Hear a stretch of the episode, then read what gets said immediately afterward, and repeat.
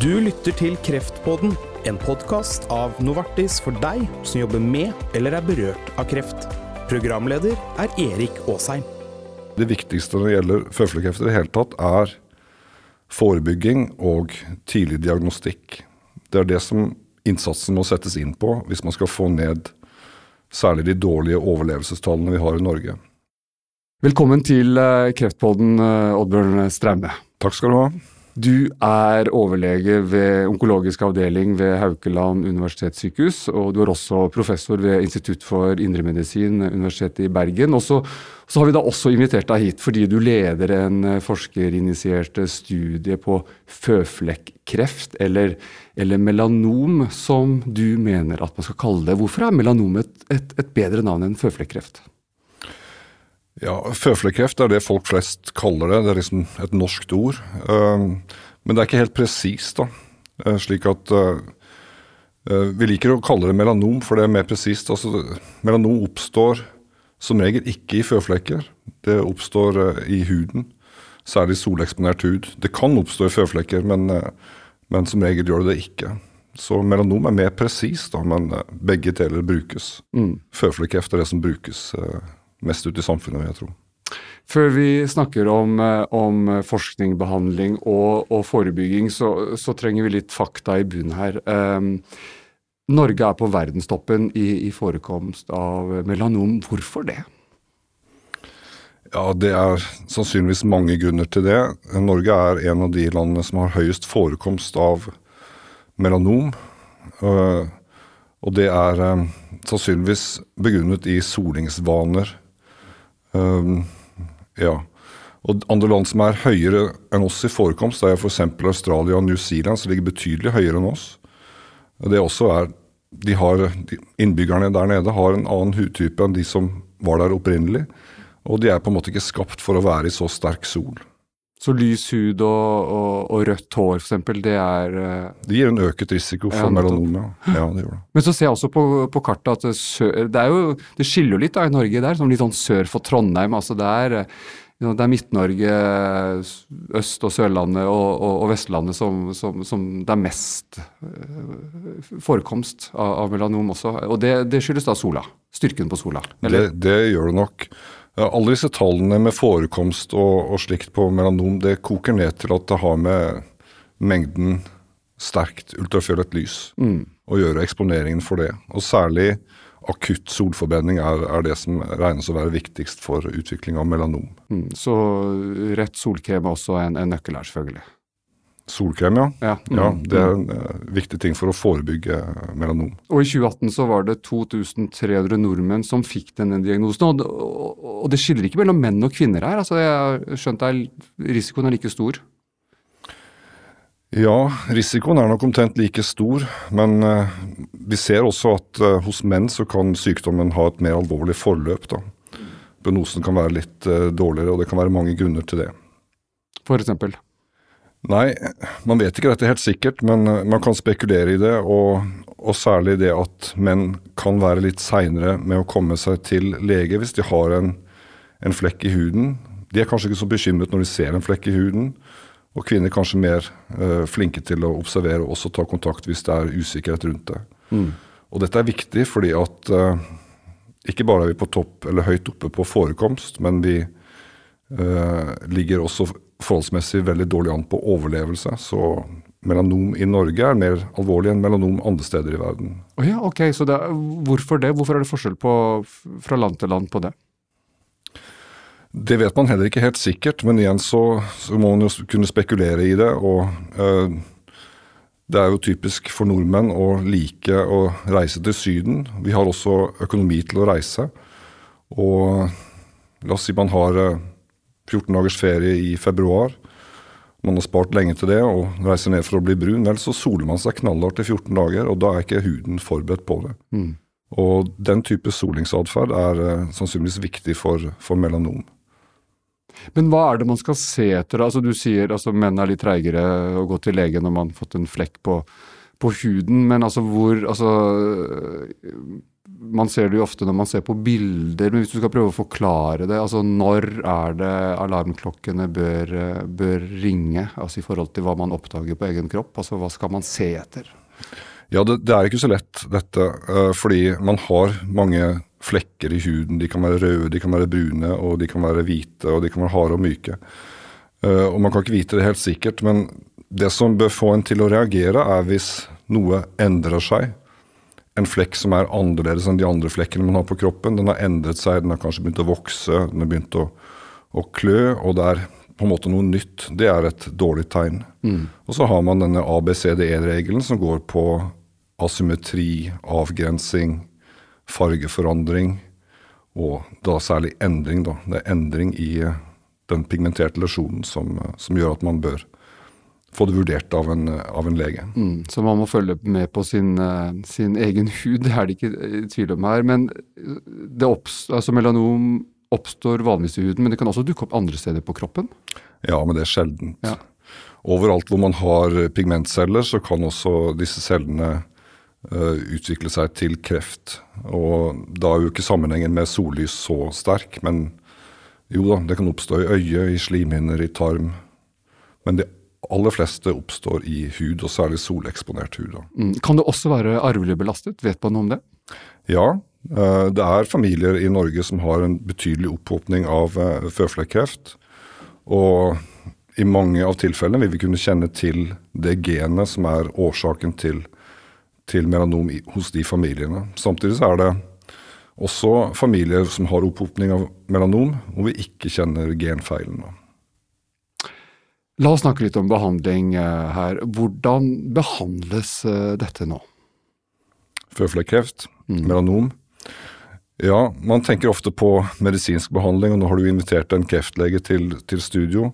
Men den viktigste behandlingen av føflekkreft Kanskje jeg skal få starte med å si det viktigste når det gjelder føflekkreft i det hele tatt, er forebygging og tidlig diagnostikk. Det er det som innsatsen må settes inn på hvis man skal få ned Særlig de dårlige overlevelsestallene vi har i Norge. For da er det viktig at behandling starter veldig tidlig? ikke sant? Det er, det det er helt er, avgjørende. Ja. For uh, i de fleste tilfellene så vil uh, melanomet være relativt tynt og lite, og da fjernes det med en enkel eksisjon. Da tar kirurgen og skjærer ut et stykke hud rundt, et stykke fett under, og da er behandlingen ferdig, og det er kurativ behandling. Og langt de fleste overlever da. Og da trenger du ikke medisiner? Da trenger man som regel ingen medisiner. I de fleste tilfellene trenger man ingen tilleggsbehandling da, er man ferdig behandlet. Kanskje man må inn og fjerne litt mer vev, sjekke litt på lymfeknutene, men det er kirurgisk behandling som er kurativt for eh, melanom. Og, og dersom man kommer tidlig inn og får gjort nettopp dette, så, så, er også tilbakefall sjelden, eller hvordan er det? Ja, eh, hvis man kommer tidlig nok til, så vil eh, risikoen for tilbakefall være gjerne under 10% sånn at kurasjonsraten ved kirurgisk behandling for melanom er veldig god. Hvor stor andel er det som, som rekker å komme så tidlig, som oppdager så tidlig? Er det, ja, det er faktisk de fleste. Okay. Uh, men det er jo de som får tilbakefall, det er da det blir alvorlig. Det er da det er mye mer komplisert behandling. Mm. Så alt man kan gjøre for å få folk inn tidligere, for å få tidlig diagnostikk, eh, det er kanskje det viktigste innsatsen vi kan gjøre. Mm. Og hvis du da ikke kommer tidlig nok, ja. eh, at eh, kirurgisk, et kirurgisk inngrep ikke er mulig, hva, hva er da behandlingsmetodene? Eh, ja, så hvis man da eh, på diagnosetidspunkt har spredning, f.eks. i lymfeknuter som ikke er tilgjengelig for kirurgi, eller i lunge og lever eller hjerne eller andre steder, da må man behandle medisinsk. Da er sykdommen spredd seg. Og det er egentlig en svart-hvitt situasjon. Enten har det spredd seg, eller så har det det ikke. Og da må man behandle hele personen med medisin. Mm. Ja. Og da, hva slags medisiner, altså hva slags type behandlings, eller hva slags behandlingsmetoder er, er, det man da bruker? Ja, når jeg begynte å jobbe med melanom for ganske lenge siden nå, så hadde vi cellegift, og det var forbundet med masse bivirkninger.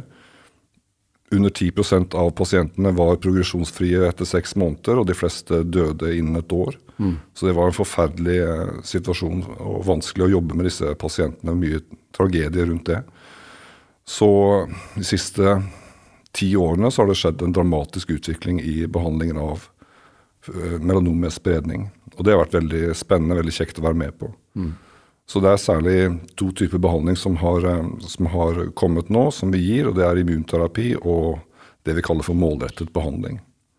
Ikke sant. Og så Men er denne immunterapien er den, er den tilgjengelig for alle som, som, trenger å få den på, på, denne type kreft? Ja, det ja. er den. Du kan si at melanom har jo vært en prototype på en type kreft som er følsom, som har nytte av immunterapi, og til dels veldig god nytte av det. Uh, og den behandlingen er godkjent uh, til bruk, så alle pasientene som trenger det, får immunterapi i Norge. Sånn har det vært i flere år nå. Ser vi at immunterapi altså Det er ikke sånn at det nødvendigvis redder liv, eller, eller, eller vet altså De aller fleste som, som kommer på korrekt immunterapibehandling, eh, eh, vil de overleve? Ja, om de vil overleve eh, Pasienter med spredning fra melanom er det, det har alltid vært sagt det at det er eh, livsforlengende behandling Eh, egentlig lindrende behandling. Og vi har ikke gitt disse pasientene informasjon om at vi kan kurere dem med immunterapi. Mm. Det er nok litt i endring nå. Du vet Disse studiene på immunterapi på melanom de, de begynner å bli ja, 12-15 år gamle. Og fremdeles så ser vi at det er en del pasienter som har hatt respons, som fremdeles har respons. De er langtidsoverlevere. Mm. Og når vi skal si at de er kurert, det er vanskelig å si. Vi må følge de mange år før vi kan trygt si at de er kurert. Men en god andel av disse pasientene er langtidsoverlevere og lever helt vanlige liv, er uten behandling, og ingenting skjer. De har gjerne en liten flekk i leveren, en liten flekk i lungen. Hver gang de kommer og tar en CT hver tredje eller hver sjette måned, så er det stabilt. Mm. Uh, men om vi skal si at disse er kurert, det er vanskelig å si. De er i hvert fall langtidsoverlevere, og det er et stort gjennombrudd i behandlingen av kreft med spredning i det hele tatt. Mm. Og persontilpasset behandling her er, er, er også viktig på denne, denne, krefttypen. Altså Har dere en kombinasjon, er det også kombinasjon av cellegift, stråling og immunterapi, eller, eller er det mest immunterapi dere kjører alene nå? Melanom er kjemoresistent. Eh, cellegift virker omtrent ikke. Og etter at vi fikk de nye behandlingene, så har vi så godt som slutta å bruke cellegift på melanom. Mm. Eh, melanom er også relativt stråleresistent. Eh, det bruker vi i de tilfellene vi har ryggen mot veggen, pasienten har progress av sykdommen, kanskje mye smerter. og For å da smertelindre og få lokal kontroll, så kan vi også gi strålebehandling. Men det er ikke en del av standardbehandlingen lenger nå. Det er det ikke. Mm. Hei, jeg heter Anita Fredriksen. Og jeg er Anita Henriksen. Så fint at du lytter til Kreftpodden. Denne podkasten er et initiativ fra Novartis for å fremme kunnskapsdeling og faglige diskusjoner innen fagfeltet onkologi. Den er ment for deg som jobber med eller er berørt av kreft. Vi spiller stadig inn nye episoder for å kunne utvikle podkasten med dagsaktuelle tematikker. Følg med og abonner på Kreftpodden, så blir du varslet når det kommer nye episoder. Du hører på Kreftpodden. Jeg heter Erik Aasheim, og dagens tema er melanom og framtidens behandlingsformer. Og eh, Oddbjørn Straume, overlege ved onkologisk avdeling ved Haukeland sykehus. Du står bak en studie der eh, AXL-proteinet står sentralt. Altså det er proteinet som bidrar til at kreften blir eh, ondartet, ikke sant. Og hva har dere funnet ut i denne studien? Ja, altså Vi kan si at ved f.eks. immunterapi så er det omtrent halvparten av pasientene som har nytte av behandlingen, som har effekt av det. Så det er fremdeles en alvorlig sykdom. Og mange av de nye studiene som starter opp nå, de er ok, hva skal vi kombinere med immunterapi for å få enda bedre resultater? Enda flere som responderer på behandlingen.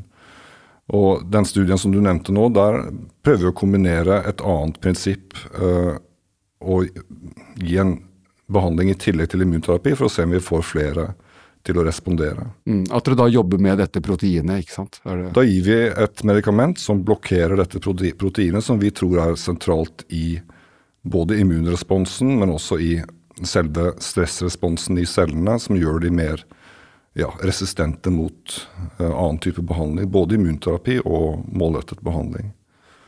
Så dette er en av mange studier som, som uh, tester ut det. Og så mm. spør du om hva vi har funnet så langt. Ja, for nå har du kommet halvveis i studien og har inkludert uh, rundt 40 pasienter så langt. Og, og den prøves ut nå seks kliniske studier i Norge og, og i land som Storbritannia, USA, Tyskland og Spania. Så ja, ser det lovende ut? Det er for tidlig å si. Uh, det, vi sammenligner med standardbehandling, altså immunterapi eller målrettet behandling. Og de behandlingene er gode, slik at vi trenger litt tid på oss for å se hvorvidt den nye tilleggsmedisinen gjør noe forbedring på det. Mm. Så det er rett og slett for tidlig å si. Vi skal se på overlevelse, og da må vi ha tid på oss. Så det vi har av resultater så langt, er hvorvidt pasientene kan tåle å få en tablett i tillegg til de andre medisinene de får. Hva er svaret der? Og Svaret der er at det tåler de. Det er eh, relativt lite ekstra bivirkninger med å gi denne, denne, tabletten, så langt vi kan se nå. Så pasientene tåler det. Mm. Og Jeg har sett du har vært på internasjonale konferanser og, og, og vist fram dette, og da ser jeg at det har vært enorm interesse sant, for dette, dette studiet. Hva, hva, er det folk på kreftkongresser uh, er mest nysgjerrig på når de kommer for å høre mer om dette? De er mest nysgjerrige på det samme som du er. Det samme som du spurte om. Eh, hvorvidt uh, man får bedre responser eller eh, forlenget overlevelse. Mm. Og Det har vi ikke kunnet svare på enda. Det tar enda to-tre år tenker jeg, før vi kan si noe om det. Man må være litt tålmodig for å se dette. Og som sagt, det er enormt stor interesse i å finne hva kan vi gi i tillegg til særlig da immunterapi for å få enda bedre effekt hos pasientene. Mm. Men du, du, men du, nevnte jo at immunterapi alene også eh, er godt nok, eller er det ikke godt nok alene? Altså Siden dere fortsetter å, å måtte tenke, hva er det vi kan gjøre ja. mer? Ikke sant? Ja, Pasientene ønsker jo mer, vi ønsker jo mer. Jeg husker jo hvordan det var før. Eh, så selv om de nå har fått behandling som er veldig mye bedre, er det fremdeles mange pasienter som har progress under behandlingen, og som, eh, som også dør av sykdommen. Det er fremdeles en fryktelig alvorlig sykdom. Og Derfor så ønsker vi å få det enda bedre. Og Sånn vil det alltid være i medisinen. Vi ønsker å få det enda et hakk bedre. Og ett steg av gangen så blir det etter hvert uh, bra behandling. Men vi er aldri helt fornøyd. Mm. Men du jobber jo også daglig på poliklinikken ved Haukeland sykehus. Uh, og når du får en pasient som har denne type kreft, og som det er for sent ute å gjøre et kirurgisk inngrep på, Eh, utviklingen har gått for langt. Vedkommende har ventet for lenge. Eh, hvordan er den første samtalen da med pasienten? Altså, hva, hva slags håp kan du gi, og hva sier du for å være, måte, altså være realistisk? Ja, disse pasientene når de kommer til oss for første gang, de har jo allerede fått litt informasjon fra kirurgisk avdeling hvor de har gått til kontroller, hvor de har fått påvist tilbakefallet sitt. Og så har de gjerne vært på nettet og lest litt. Så de vet allerede at det er en alvorlig sykdom, og mange av disse pasientene er ja, i en alvorlig krisesituasjon og, og, har det vondt og har egentlig ikke noe særlig forhåpninger til det som skal komme når de skal på kreftavdelingen og få livsforlengende eller lindrende behandling. Så de er ganske pessimistiske? De er ganske pessimistiske, men eh, når man da begynner å snakke om eh, behandlingen som vi kan gi, og det vi kan oppnå, og begynner å knytte håp til at de kan bli langtidsoverlevere f.eks. Så det tar litt tid, men når du først kommer i gang med behandlingen så, og kjenner at de tåler det, og kanskje kommer til første sete og ser at det virker, så klarer de å senke skuldrene og, og, og leve vanlige liv selv om de har denne sykdommen. Og De fleste av mine pasienter er i full jobb. også. De har lite plager og lite bivirkninger og kan leve vanlige liv. De mm. fleste. Mm. Men det er jo eh, en del som dør hvert år av det også. Er det, er det, hva skyldes det? At det, de begynte behandlingen for sent? At de, de, de så det for sent? Eller at, at immunterapien ikke virker på dem? Hvordan, eh, hva er liksom forklaringen på det?